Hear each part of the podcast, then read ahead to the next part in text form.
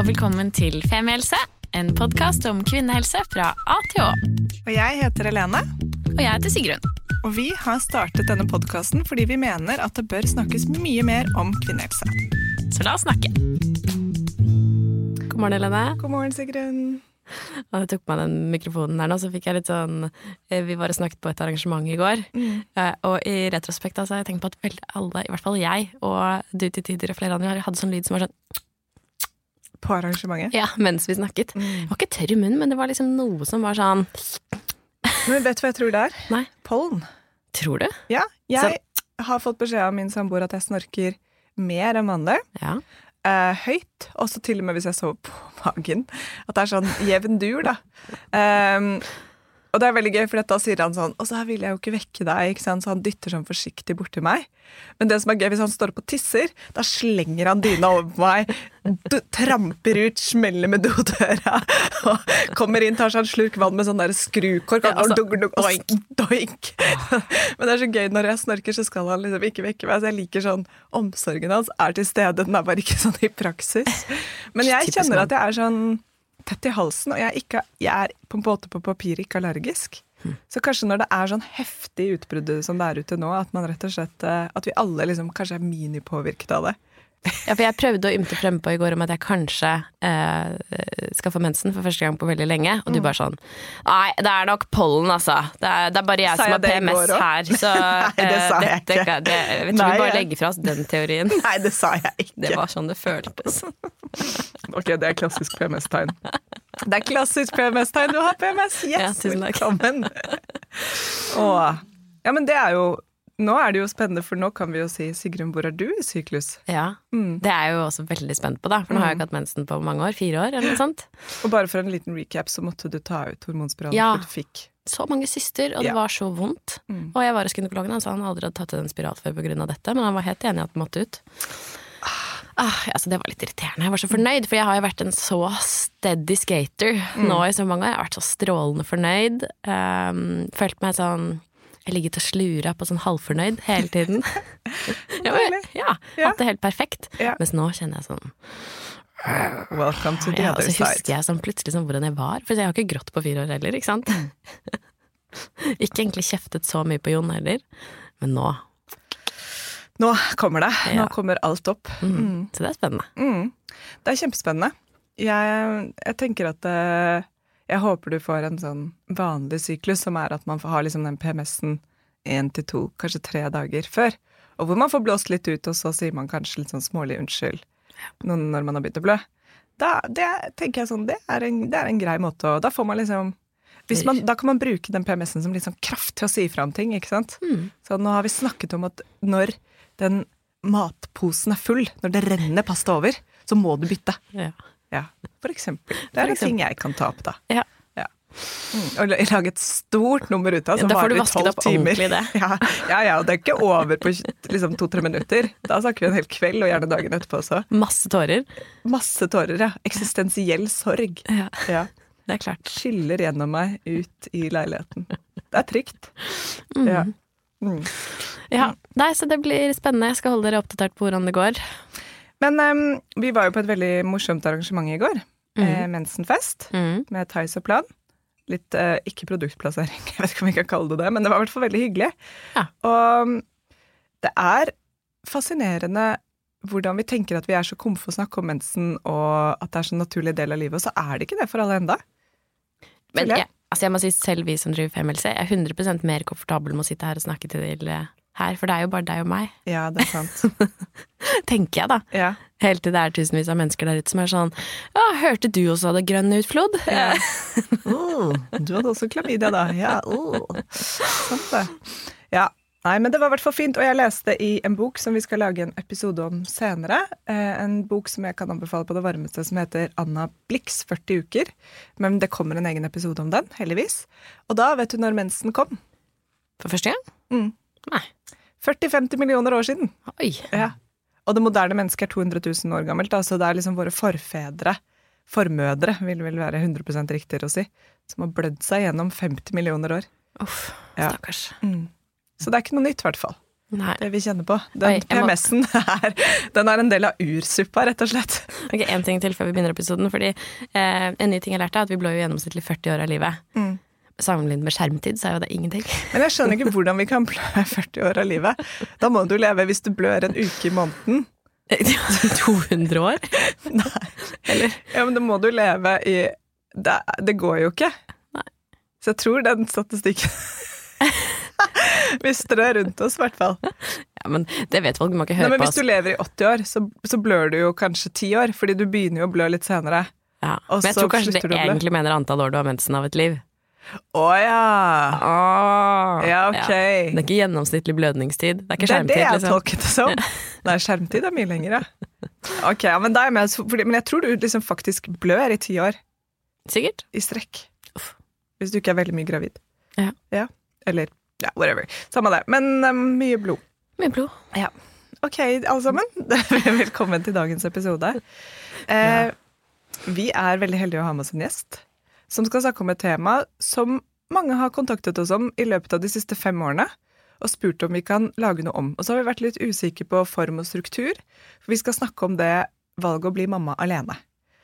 Og grunnen til, i hvert fall så har vi vært sånn Å, skal vi ha inn en liksom fertilitetsdoktor, eller hvordan løser vi dette? Men selvfølgelig vil vi jo ha en som har ø, valgt det selv. Ehm, og som nå også har eh, vært mamma alene i over et år. Velkommen til oss, Liv Marie. Tusen takk. Så hyggelig at du kunne komme. Ja, takk for at jeg fikk komme. Synes det er veldig stas. Og vi bare liksom si til deg som hører på nå, er at hele historien om din reise til å bli mamma ligger i NRK podkast og heter Livs siste sjanse. Det er en fantastisk historie for dere som ikke har hørt hele den podkastserien, så anbefaler jeg det på det varmeste. Og vi kunne egentlig snakket om alt det nå, men det vi har lyst til å snakke om nå, er mer hva, liksom, hvordan er det å være mamma alene? Eh, og du har også vært med på Fødepodden med to episoder der. Så hvis man har lyst til å dypdykke mer ned i dette temaet om reisen, som er unik for deg, selvfølgelig, men som er en av mange reiser til å bli mamma alene, så kan man høre på det der. Gjør det. Ja, gjør det. Virkelig på det varmeste. Bare ikke gjør det mens man går inn på Maxbo, sånn som Sigrun gjorde, og sto og hylgråt mens du plukket ut, eh, Det var vanskelig. ja, plukket ut malingsprøver. Å, du skjønner, ja. Nei, nei, nei, det, bare, Kjempefin podkast! Den burde du høre. Det er bare sånn, Ja, så den er, den er, den er heftig, men viktig. Så ja. Mm. Mm. Men kan ikke du kanskje begynne med å si hvem du er? Ja. Fullt navn, hva holder du på med? Hva, ja, hvem er du? Nei, jeg heter da Liv Marie Skåre Baden. Og jeg er eh, eneste jente av fire søsken. Og akkurat nå så er jeg fortsatt i mammaperm. Fordi jeg jo da har permisjonstiden alene. Og vesla, som da heter Frida Marie, vi er ikke så oppfinnsomme i familien min. Eh, Marie er jo da, går jo i arv, da. Eh, hun ble ett år i mai, så med sånn ferier og sånn, så, så skal ikke jeg begynne å jobbe før i august. Og det, da er hun 15 måneder. Så det er veldig, veldig fint. Så jeg gleder meg jo stort til denne, liksom ha denne sommeren med henne nå. Vi har liksom akkurat oppdaget eh, sandkassa og husk, og i går kjøpte jeg hennes første sko. Oi. Eller sandaler, da. Jeg har jo Herregud, to koselig. eh, kasser med sko oppe på loftet, men det er ingen som er så små som passer til henne. Eh, Jeg er veldig glad altså, og opptatt av å arve ting. Det kan vi jo snakke mer om. Men i størrelse 19 er de liksom ikke 18-19. Ja, så hun har begynt å gå ganske tidlig, da. Og begynte også å krabbe tidlig. Eh, men eh, og ellers så jobber jeg innenfor scenekunstfeltet. Jeg er produsent i Oslo-Filharmonien og har jobbet med liksom, scenekunst og kommer fra en musikerfamilie og jo, eh, driver med slike ting. Ja, Kult. Sånn ellers. Mm. Når jeg ikke står opp klokka fem om morgenen og ammer. Men ehm, For vi har jo snakket sammen litt før, og vi kjenner deg litt, og du hadde på en måte et sånt Hvis ehm, de som sitter og hører på nå, da kanskje er litt sånn tenkeboksen eller nysgjerrig på dette med å bli mamma alene, så hadde du et ganske sånt aha-øyeblikk sammen med en Mm. venninne Mm. som åpnet i hvert fall opp litt for det. Kan ikke du fortelle om det øyeblikket? Mm. Ja, og, og egentlig forløperen til det igjen er jo Som jeg sa, jeg kom fra en stor familie med mange barn. eh, og mange tantebarn. Og mange, jeg har alltid vært liksom opptatt av barn. Jeg jobba mye med barn. Eh, var, var sånn som satt barnevakt eh, når jeg var tidlig, liksom, når jeg var ung og sånn. Og jeg har alltid tenkt at jeg skulle bli mamma. Eller altså, det er liksom den største selvfølge, at jeg skal ha stor familie og mange barn. Og så ble det jo ikke sånn, ikke sant. Så tida går, og så tenker man liksom bare at det skal ordne seg. Og dette her vet jeg mange kjenner seg igjen i, ikke sant. Eh, og da når jeg hadde den samtalen med hun venninna, det var jo sommeren 18, så da var jo jeg, eh, jeg Altså, da var jeg 41, da. Og da sier jo hun at uh, vi skulle, altså vi planla, vi skulle på Toskana roadtrip, så vi satt og egentlig skulle liksom snakke om helt andre ting, og så kommer vi inn på temaet, og så sier hun at men hvis du har tenkt å ha barn, du, da, altså da må du skynde deg, liksom. Det, du har dårlig tid. Har du tenkt å fryse egga dine? Jeg bare hæ, hva er det du snakker om? Jeg, altså, jeg, jeg hadde liksom ikke hørt, eller kanskje jeg hadde hørt om det, men det var altså så fjernt. Og da, da måtte jeg jo virkelig liksom uh, bare hun bare 'Du må til denne, den gynekologen, og du må sjekke deg, og dette må du gjøre nå. Tenk om ikke du kan få barn', liksom. Så, så jeg måtte virkelig gå en runde med meg selv, og så tok egentlig ikke det så lang tid, fordi at det var jo den sommeren så hadde jeg liksom en prat med mamma, bare mamma først. Jeg sa at jeg har bestemt meg for at jeg vil, jeg vil prøve det. Jeg, jeg, må gjøre det. Fordi øh, nå, det finnes ikke noen annen mulighet. Jeg kan jo ikke gå og vente på eller tro og håpe at det skal løse seg med en mann, liksom. Mm. Eh, bare prøvde sånn enkelt regnestykke, liksom, hvor lang tid tar det å date, bli kjent, og så komme til den samtalen at du skal få barn, og så skal Altså, ikke sant, plutselig så har det yes. gått to år, da. Mm, minst, den tida har ikke jeg. Eh, og mamma sa egentlig bare sånn Ja, endelig. Altså, dette har jeg jo venta på, på en måte. Ja. Så, og så sa jeg ja, for jeg må Og nå begynner jeg å grine, fordi uh, det, var, det, var, et veldig fint øyeblikk, for da sa hun Eller så sa jeg men jeg må jo bare vite at jeg har dere, for dette, det er jo dritskummelt, liksom. Å gjøre dette alene. Og du har jo én million tanker og frykter og redsler. ikke sant? Klarer jeg det, og økonomisk, og er jeg fi, liksom fit? Altså, er jeg egnet? Hva med alt det praktiske? Jeg gikk jo rett i den der hvordan skal jeg levere og hente i barnehagen. Den gikk jeg jo rett i med en gang, liksom. Uh, bare Men tviler du på det? Selvfølgelig er vi her. Altså, selvfølgelig Dette, dette ordner vi, liksom. Én ting av gangen. Og så hadde jeg den samme samtalen da med mine brødre, bare oss fem, liksom, av mamma og, og søsknene. Hvor jeg fortalte at nå er jeg her, og dette har jeg tenkt til Dette ønsker jeg å prøve å få til. Og da var jo de også sånn Ja, men selvfølgelig, på en måte. Ja. Mm. Eh, og det er jo en viktig Jeg vet det er veldig mange som ikke har det sånn ikke sant? Som ikke har en sånn type Kanskje foreldre og søsken og familie bor langt unna, eller man ikke har en sånn type relasjon hvor det er naturlig å dele, eller naturlig å liksom invitere inn. Men da vil jeg jo på det sterkeste oppfordre til å bruke et annet type nettverk, da, hvis du har venner eller kollegaer, eller men at du har noen der, mm. som fra starten mm. av den prosessen. Jeg syns det er så rørende, for jeg føler at det er så langt ifra hvordan veldig mange av oss lever livene våre i dag, med mm en veldig avstand til flokken, da, mm. og til, til, landsbyen, på en måte. At vi er så utrolig opptatt av å klare oss selv, mm. eh, og jobbe på og brenne oss ut sakte helt alene. Mm. Eh, I stedet for å på en måte åpne opp, slippe inn, mm. eh, og høre 'er dere der?' Mm. Eh, mm. når jeg trenger det. Skikkelig en sånn ja, rørende påminnelse. Det krever litt mot eh, å gjøre det, og jeg har jo måttet gjøre det eh, litt sånn åh, mot min vilje, på en måte, på mange, i mange sammenhenger, fordi at man gjerne vil klare seg selv, og samtidig så har jeg den der andre siden av meg som er sånn Nei, jeg tror så sinnssykt på sosialdemokratiet og flokken og liksom at vi Fellesskapet, da, ikke sant, som samfunn og kultur, at vi må Jeg savner nabokjerringa som mm. blander seg borti liksom det som skjer i sandkassa, eller at liksom han der, han uh, har litt møkkete klær, eller ikke sant, er det omsorgssvikt, eller Altså, jeg savner det derre um, at vi bryr oss litt mer om hverandre på tvers, og at ikke de der dørene er så veldig lukka. Men det er jo sånn vi er. Det er jo sånn vi har rigga samfunnet vårt.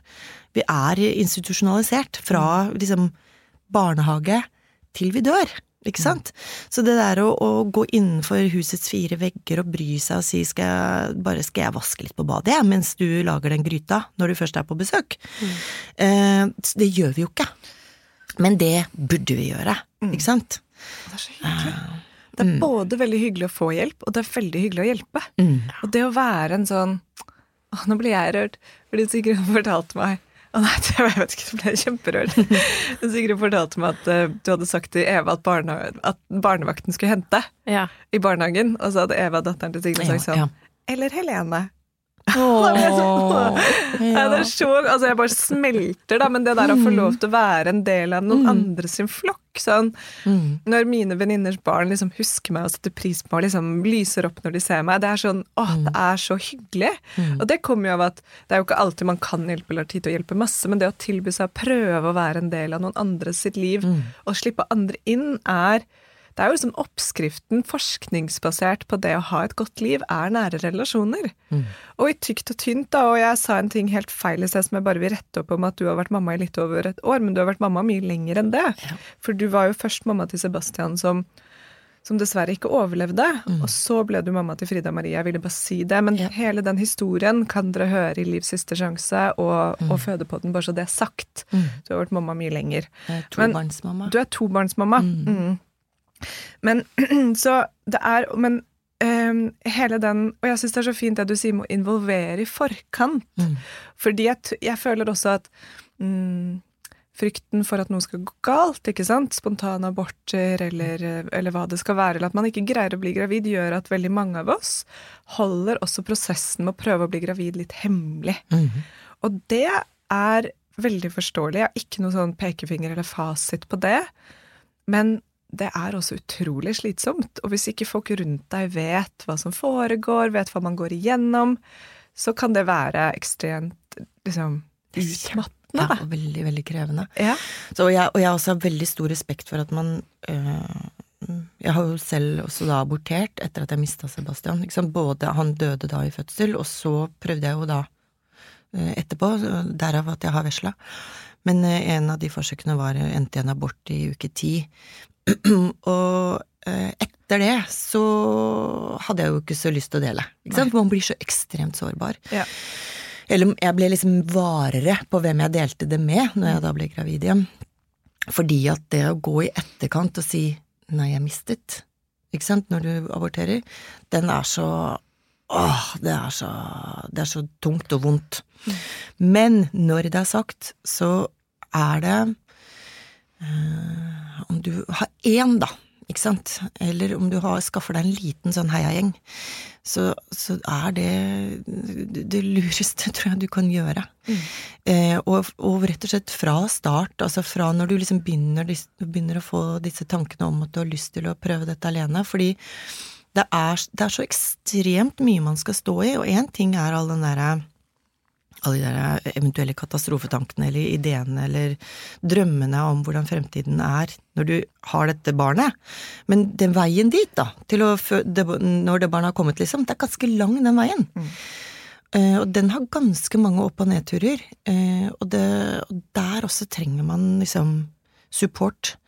Og man trenger noen å, å lufte og tømme seg hos, liksom, med all sin frustrasjon og fortvilelse og eh, spørsmål og ja. Så ja. Men hadde du tenkt på muligheten om å bli mamma alene før du hadde den samtalen med venninnen din?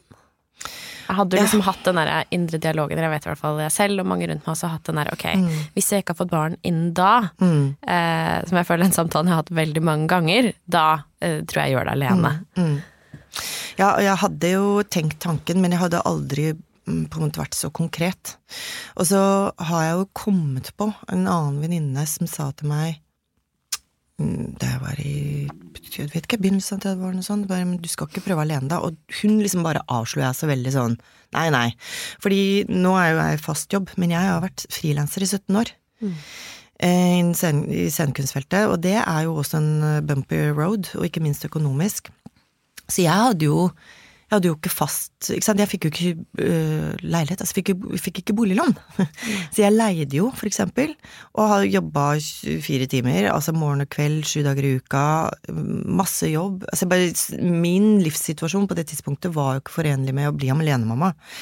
Jeg hadde ikke liksom fast leilighet og ikke fast jobb. Så jeg følte det som veldig uansvarlig, og det der kunne jeg jo lene meg på som en slags unnskyldning for å slippe å ta det valget, da. Eh, Og så havnet jeg jo da selvfølgelig etter at jeg hadde bestemt meg i den situasjonen at jeg får meg en kjæreste, som jo også er ganske typisk. uh, og at vi da uh, Og det er kjempefint, og at vi da blir jo stilt overfor det dilemmaet med liksom hva gjør vi nå? Eh, og han må, måtte til slutt si at dette Jeg kan ikke liksom starte på nytt. Han hadde tre barn og på en måte to kull, og var også seks år eldre enn meg. Åtte? Seks år.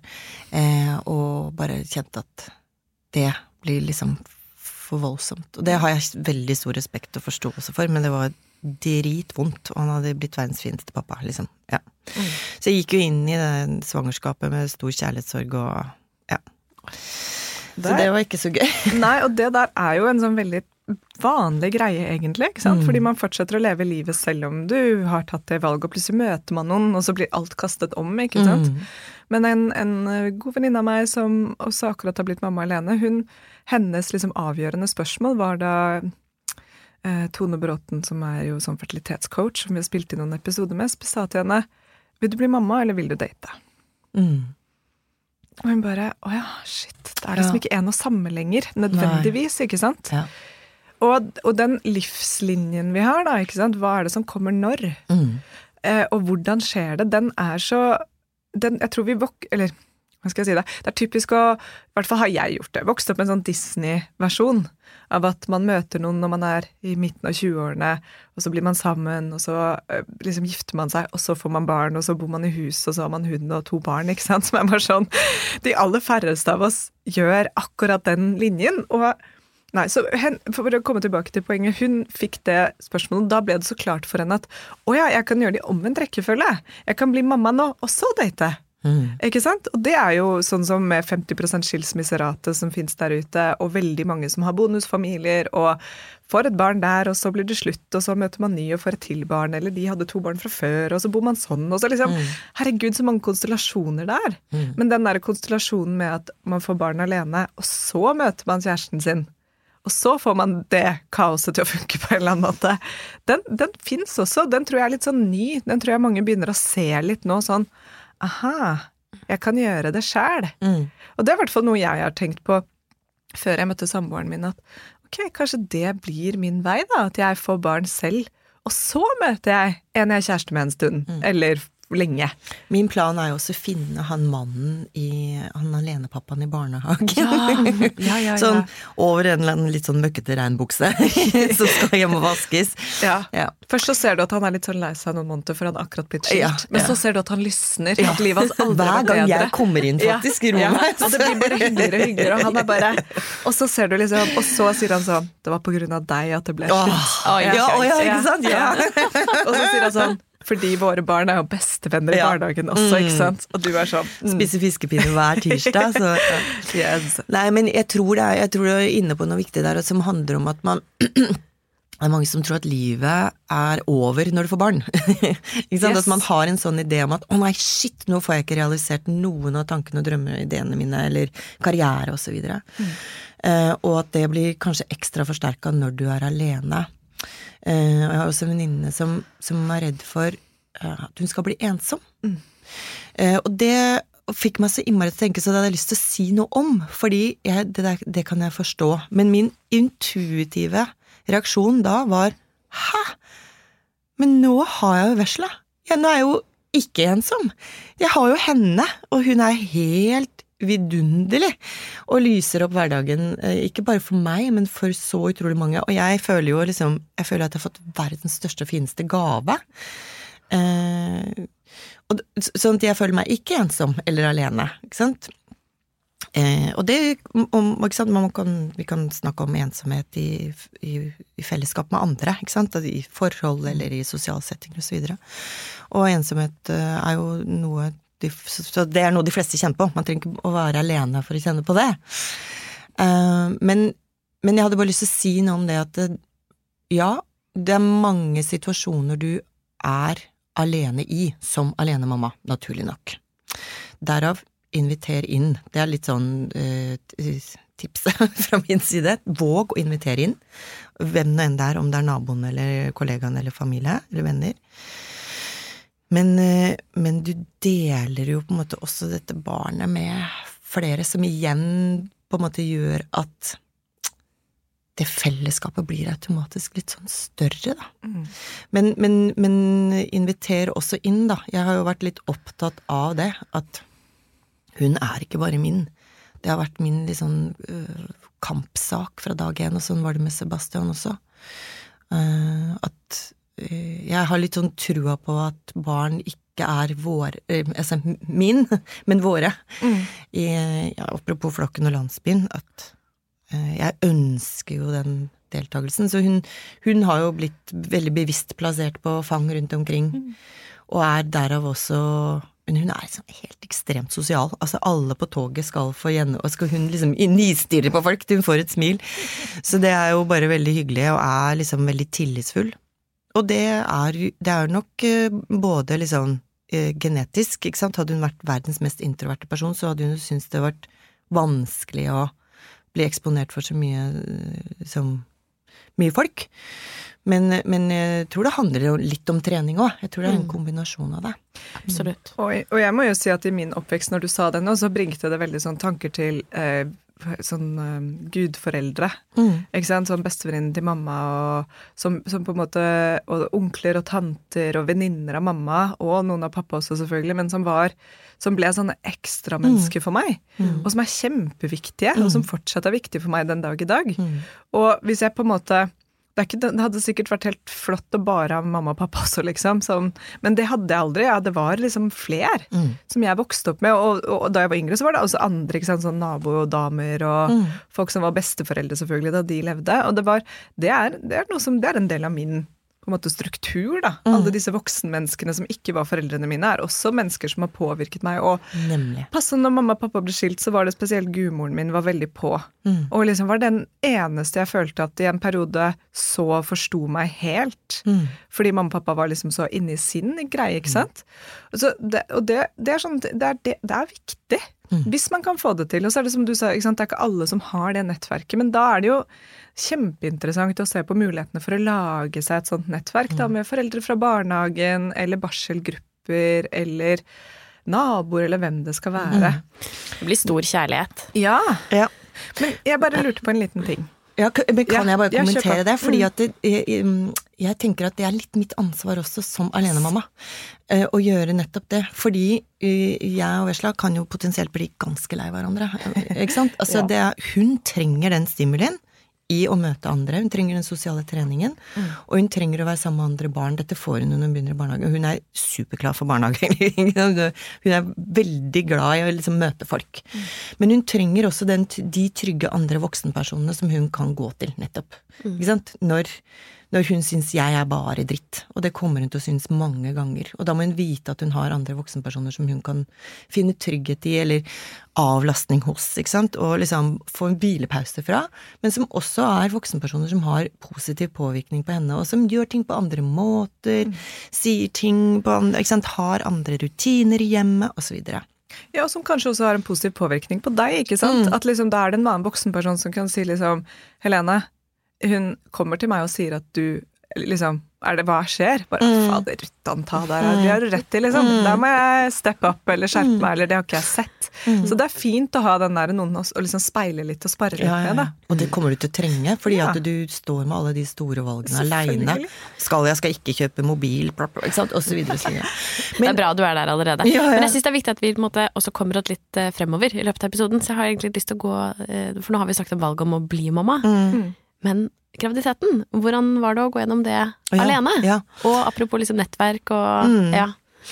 Nei, det, den første, første svangerskapet var, hadde jeg jo ganske kjærlighetssorg, og da, så da kjente jeg mye på at åh, jeg skulle ønske liksom øh, Den der er å ligge i skje, liksom, med en hånd på magen, det, det savnet jeg det veldig, fordi at det var så nært. Og det kjente jeg ikke så mye på i, det andre svangerskapet, for da var jeg jo Da hadde jeg vært gjennom det en gang allerede også, så da Så det, der tenker jeg at det kommer litt an på hvor du er i livet, på en måte. Men, men samtidig, når du har bestemt deg for å bli mamma alene, så, så er du jo på en måte så innstilt på det. Sånn at du, du Jeg tenker at det er så mye tankekjør på liksom, hvordan blir dette? At det er mange ting du liksom vet at du er aleine om, ikke sant? Blant annet liksom det svangerskapet. Men savnet over å kunne dele det med noen, er jo allikevel der. Så igjen så er det jo sånn å sende bilder av magen til venner og familie, fordi at se, nå ser man det, ikke sant? Eller dele Altså det er jo Svangerskap i seg selv er jo et liksom, eksperiment av en annen verden, sånn at det er jo det er jo helt sjukt å gjennomgå. Så, så det der å bruke sånne apper og sånn, og lese og ikke sant, følge med og alt som skjer og ja. Men der vil jeg også komme et lite innspill på det å føle seg ensom i et svangerskap. For det tror jeg mange med partner også Ja. kan kjenne på. Det var akkurat det jeg skulle si. Ja, og, ikke sant? Fordi at, og nå tok jeg den, så fikk jeg Nei, men ikke sant? At liksom At uh, det er en som går gravid. Og det er en som kjenner på det, spesielt første gangen. ikke sant? Alt det som skjer, alt det nye. Og det er ikke sikkert at partner er helt med på det, eller syns det er like forståelig da, liksom, å leve seg inn i det. Men det er helt klart at når man gjør det helt uten å bo sammen med noen, og uten å ha noen som daglig ser deg, så får du jo selvfølgelig mye mindre, liksom hvis ikke du da, som du sier, sender bilder og har mennesker i livet ditt som du holder oppdatert på det, og som er interessert, da. Men det derre fordi det, det, det har jeg tenkt mye på at um, hvis jeg skulle blitt mamma alene, så er nettopp det der med ensomheten noe jeg har tenkt på. Men jeg tror du kan kjenne like mye på den i et parforhold hvor man ikke er helt i synk på forventningene til det å gå gravid og føde og være nybakte foreldre. Hva innebærer det? Hva er det? hva er det jeg ser for meg? Hva er det partneren min ser for meg? Og liksom alle de skuffelsene som kan komme i at man ikke er i synk, da. Det, det er nesten Og det skal jo litt til for at man er det liksom harmoniske, innsynket parforhold. Det er Ja, jo um, jeg, Og jeg kan skjønne at det er vanskelig å forstå, så jeg tror at for mange, jeg kjenner i hvert fall en selv, så er det kvinnefellesskapet med andre som både er interessert, har noe på en eller annen måte erfaring, eh, lettere og viktigere på mange måter eh, enn partner. Ja, for eksempel så snakket jeg med en venninne som er blitt gravid, og partneren hennes har ikke lyst til å snakke så mye om fødsel, for han syns det er ubehagelig. Men så møter du hvilken som helst venninne som er sånn Let's talk birth, come on! La oss dykke ned. Og det er, altså det syns jeg var så ekstremt merkelig, for jeg følte at jeg plutselig var jeg med i en sånn hemmelig klubb Ja. som alle andre som hadde barn, eh, eller hadde født, eller hadde vært gravide, eh, var, eh, var med i. Og det, og det skjedde jo sånn instinktivt, ikke sant? Og du får masse historier, du får masse meninger, og der må man virkelig bare sile og sortere og bare ta på deg skylapper og øreklokker der hvor du trengs, fordi at det er, det er mange historier, og det er mange som vil dele, men det er også ekstremt godt, ikke sant, fordi du får lov til å kjenne nettopp på det der fellesskapet. Og som alenemamma, så, eller solomor, det er, det er mange grupper, dette vil jeg jo liksom bare oppmuntre til. Det er mange grupper, for eksempel på Facebook, som, som, har, som er nettopp, um, består av folk i samme situasjon. Yeah. Og det å møte de, ikke sant? Sånn, hadde, sånn har jeg det også med Sebastian. Ikke sant? Være en etterlatt mor, være en som har mistet barn. Du har helt andre samtaler enn med andre, ikke sant? Om, om det å være mamma eller å ha barn eller ha mistet barn. Så det å finne folk som er i akkurat samme situasjon som deg, da finner du en helt annen type resonans i samtalene, og en helt annen type samtale. Man deler litt andre ting, så det vil jeg jo også oppmuntre til. Eh, Å oppsøke nettverk. ja, rett og slett. Og du, og du kan også Man oppmuntrer jo til at du på en måte skal være ikke anonym da, i sånne grupper, fordi alle bjuder jo på her. Det er jo lukkede grupper. Eh, men eh, fordi at det er noen som syns at det der kan være litt krevende og vanskelig, ikke sant? som ønsker å være anonym, og som bare ah, Det sitter langt inne. Og det skjønner jeg, men eh, du, du får Ja. La den tanken modnes, tenker jeg, for du får veldig mye igjen for det. Men jeg, jeg lurer på en ting. fordi Hvis jeg hadde nå sittet og vært veldig gravid og skulle føde og ikke hadde partner, da ville jo jeg tenkt veldig mye på dette eh, fjerde trimesteret. Disse første liksom heftige månedene, som er heftige uansett om du har partner og stor flokk rundt deg, eller ikke i det hele tatt. Hvordan var det for deg? Var det sånn som du hadde sett det for deg, eller hvordan løste det seg? Husker du det? eller Ja, det sånn ja, altså. I Altså, fordi- tåka. Ja. Nei, eh, da jeg kom på helsestasjonen etter tre måneder, eh, og helsesøster, helsesykepleier, sa at eh, ja, de tre første månedene er jo liksom er jo på en måte de tyngste, så sa jeg til henne hvorfor sa du ikke det til meg med en gang? Ja. Fordi jeg følte jo at de tre månedene der, de er ganske kaotiske, og da trenger du ikke være aleine for å synes det, tror jeg. Eh, og Men så du var alene, så hvordan liksom, Ja. løste du det med nattevåk alene og ja, Ammestart og, alt sammen. og, at, Nei, jeg- og ikke minst liksom en kropp som er i kaos. Mm. Og Mm. kan, man kan ikke gå, det er vondt å tisse, og det, er liksom, Mm. det lekker overalt. Og så skal du også ta vare på et nytt rent lite barn. Ja, og jeg følte at jeg var sånn stuck. Så nå slenger jeg liksom ut puppen, og det er liksom Hun står liksom i, og Amber sånn oppi sofaen. Mens at i begynnelsen så sitter du jo liksom helt sånn Å, skal koble på helt riktig, ikke sant? Og, så, og, jeg, og jeg rekker ikke det vannglasset, fordi du, jeg følte at det var helt sånn låst, da. Og har ingen å rope på som kan gjøre det. Så akkurat den første tida der, det var helt sånn øh, det, det, eh, Jeg er et ganske sånn praktisk anlagt menneske, og det er jo også sånne ting jeg anbefaler, er altså estetikk og sånn. Det må vike for de praktiske løsningene. Jeg har liksom fem forskjellige bæresjal. Jeg har to forskjellige reisevogner. Jeg har, ikke sant? Altså, man blir en sånn Jeg bor i fjerde etasje uten heis. Du må, du må eh, bruke Oda. Du må, bruke, du må tenke praktiske løsninger for å få hverdagen din til å gå opp. Så jeg lagde sånne stasjoner rundt omkring hvor jeg hadde liksom snytepapir og vann og mandler for hvis jeg ble sulten, og sukkertøy og altså, alt mulig av sånn stæsja rundt innenfor liksom rekkevidde. Og så hadde jeg jo i begynnelsen så Godt var jo- tips. Ja, det er veldig Og amme. Du må ha en god ammepute. Det er dritviktig. Eh, Du må stæsje opp med puter. Du må sitte behagelig, så ikke du får skader i skuldre og og, og Hva heter den? Albu. Em, du må Altså, du, du må liksom Ja. Og så må du be om hjelp. Det er det viktigste. Du må ha noen som liksom kan stikke innom. Eh, Den første tiden er jo ekstremt sårbar, og så etter hvert så blir du jo litt sånn dreven og skjønner hva du driver med, ikke sant, men helt sånn i begynnelsen så er det bare sånn «Åh!» alt er litt sånn.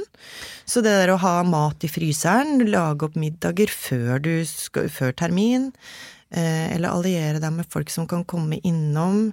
Men- Hadde du liksom noen sånn faste avtaler, eller noen liksom som Nei. kom innom som du hadde Nei. liksom organisert deg med? Nei, For mitt inntrykk det. også er av nybakte mødre Mm. er Og dette må nybakte mødre gjerne arrestere meg på, men det er det at når du spør skal jeg komme inn og hjelpe deg, så er de helt sånn Men jeg vet ikke med hva. Mm. Kan, fordi jeg vet ikke noen ting. Mm. Jeg vet ikke. Nei, og det er her jeg mener at du Ja. bare må vaske Ja, do. må Du må sette på en klesvask, lag mat, Yes. handle, Yes. støvsug, Ta med kasserolle med gryterett, liksom. Og ikke minst det. Ja. Ferdig mat Yes. i fryseren eller i kjøleskapet er så viktig. Og kan jeg komme med et praktisk tips som doula, og som har møtt noen mammaer som skal bli mamma alene? Ha en stor fryser. Mm. Hvis du ikke har en fryser, du bor i leilighet med bare sånn dobbelt kombiskap, kjøp en sånn enkeltstående fryser som du setter et upraktisk sted i gangen, eller noe sånt, som du har det første halvåret. Mm. Ja. Så du har de der lasagnene eller spagetti bolognesen eller noe Mm. annet som ikke er pasta, kjøttbasert, men whatever. Bare ha maten. Mm. Fordi den, det er sånn der kan folk fylle opp. Det er ganske lett sånn, Sigrun, jeg trenger at du lager Kan du lage en stor porsjon fiskegrateng og fryse ned i porsjon, så jeg har liksom lunsj og middag? Ikke sant? Ja. Og skaff deg mikro. Skaff mikro, ja. Kjempetips. Alle de tingene som du bare Du trenger ikke å ha det for alltid. Du Nei, kan du ha kan det liksom Nei, nei, nei. den fryseren etter seks måneder når den er stått mm. nok i gangen, liksom. Og det, og det samme gjelder liksom de, de to vippestolene og de 15 bæresjalene. ikke sant? Du finner det som passer for deg, Mm. men kjøp det på Finn. Og for guds skyld, altså kjøp det på Finn. Verden trenger ikke at vi produserer mer stæsj. Eller Tice. Eller Tice, ja, sorry, jeg bruker Finn. Men Tice funker sikkert. Jeg jobber i Tice, det er Ja, derfor. ok. Da, Det er ikke lov å si du Finn i denne podkasten. sånn. Nei, men det er superviktig at du gjenbruk her, fordi at det er så mye som finnes der ute. Ja. Eh, Så, så bruk, bruk verktøy, liksom. Og, og fylle opp fryseren, ha, bruk Oda, sånn at du får det levert på døra, osv. Men bare for å svare på e- ditt enkle spørsmål, nei, jeg lag, hadde ikke noen faste avtaler. Det skulle jeg nok egentlig gjerne ha hatt. Eh, og, og jeg mm, man, man, man sitter ofte og ønsker at øh, folk skulle vært med på tilbudssiden. Yes. Og det er så sårt og vanskelig og vondt. Det, det, er, litt, det er litt sånn sårt. Så- Så det at du da må liksom si, være veldig konkret, jeg trenger dette. Jeg skulle ønske noen kom og vaska.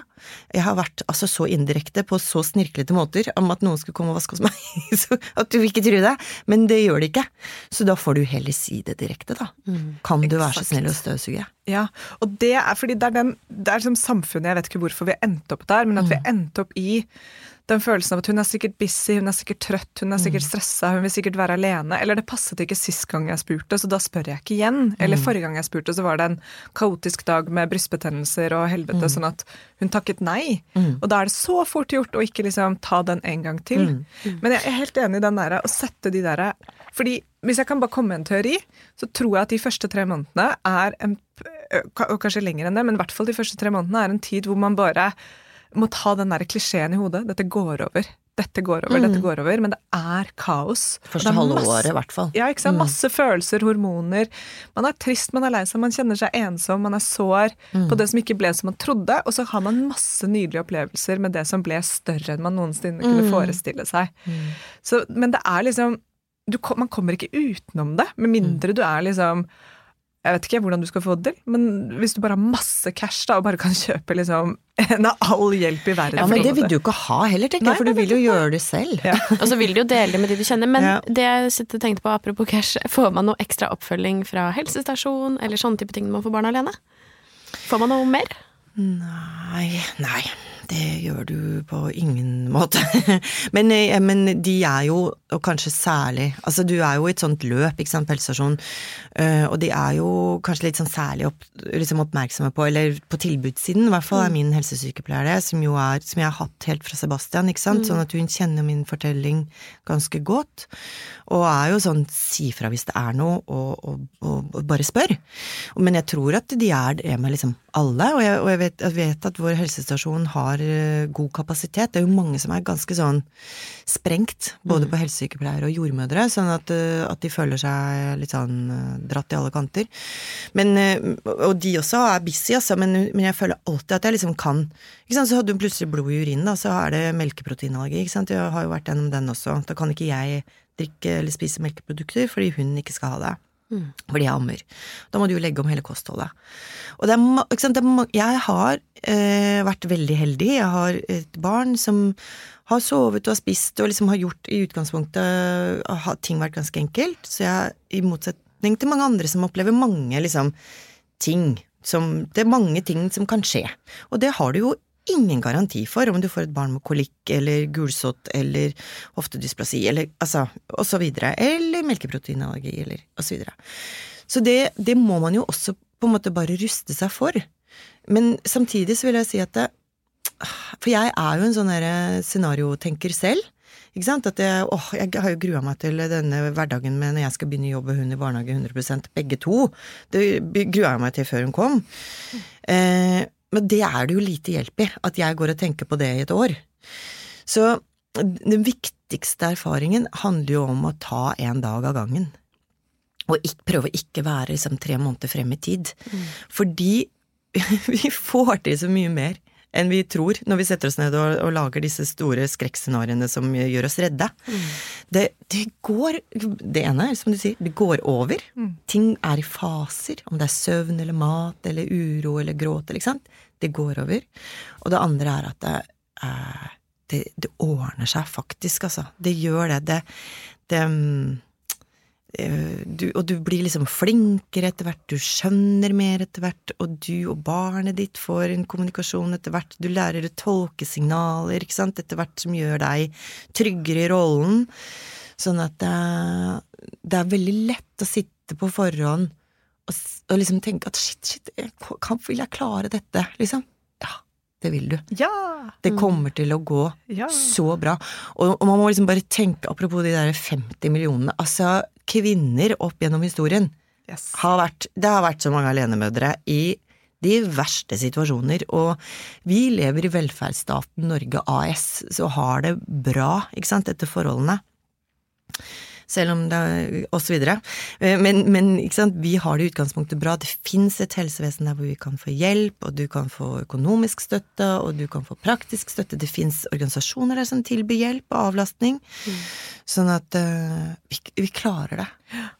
Ikke sant? Og det er så fint. Og jeg vil bare si sånn litt avslutningsvis at jeg har snakket med så mange kvinner det siste året, spesielt nå som jeg liksom har blitt doula, da. Og mange som har hatt lange, vonde, sorgfulle fertilitetsreiser.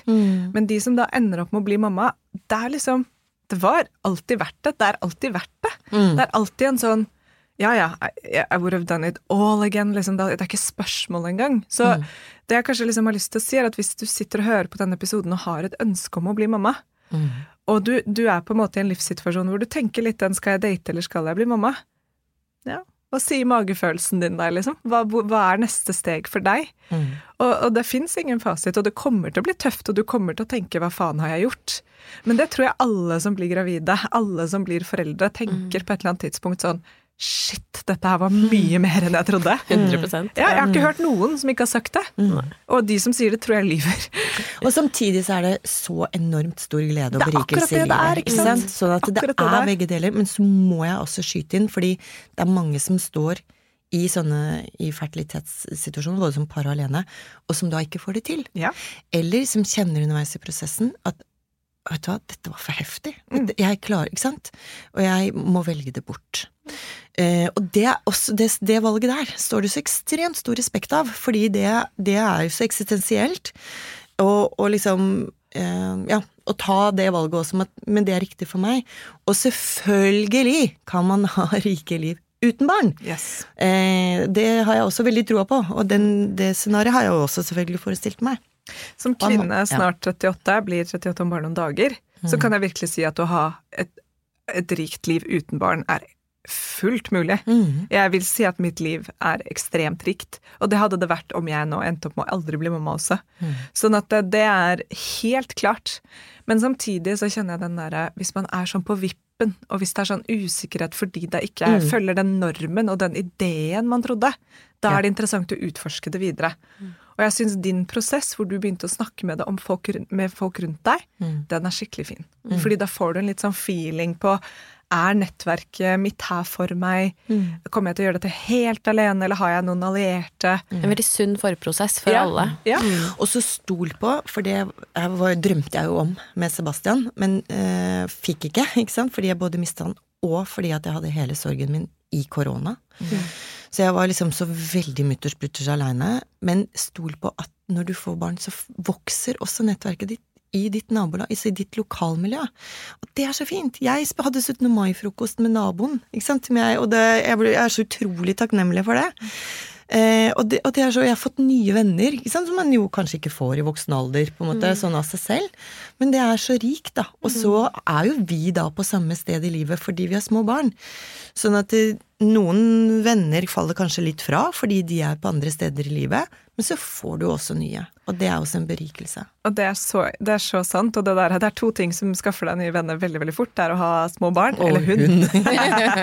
det er så hyggelig å se på. Den der, jeg har sånn hundepark rett ved leiligheten min, og der ser liksom Naboen min har akkurat fått valp. Jeg har aldri møtt ham før. Nå møter jeg han hele tiden. Og han står sånn og prater og koser Ja. seg med sånn folk i hundeparken, Ja. og du ser at hundene deres har blitt bestevenner. Og det er sånn Fader, det er også en måte å liksom få noe av det på. Mm. Så eh, kanskje alternativet er få deg heller en hund.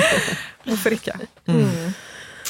Ah, nei, så fint at du ville komme hit og fortelle din historie, Elle Marie. Jeg tror det, og vet allerede at den, eh, det vil være viktig for veldig mange der ute, som eh, Litt sånn uavhengig av alder, egentlig, men som jeg tror det er mange som kjenner liksom inni seg sånn Jeg vil bli mamma. Mm. Jeg vet ikke helt hvordan eller når det kommer til å skje, men eh, ja, jeg Mm. vet det. Stol på magefølelsen, sier jeg da. Mm.